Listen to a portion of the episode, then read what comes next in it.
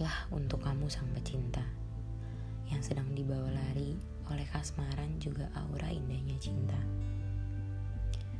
Rehatlah untuk kamu sang pejuang yang sedang berkompetisi dalam memenangkan suatu hal. Rehatlah untuk kamu sang pemimpin yang sedang diburu oleh tuntutan juga tanggung jawab. Walau sebentar di mana pun dan kapan pun. Menangislah jika rehatmu adalah berekspresi.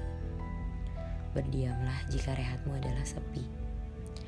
Bersenang-senanglah jika rehatmu adalah menjadi dirimu sendiri. Iya, rehat punya banyak bentuk.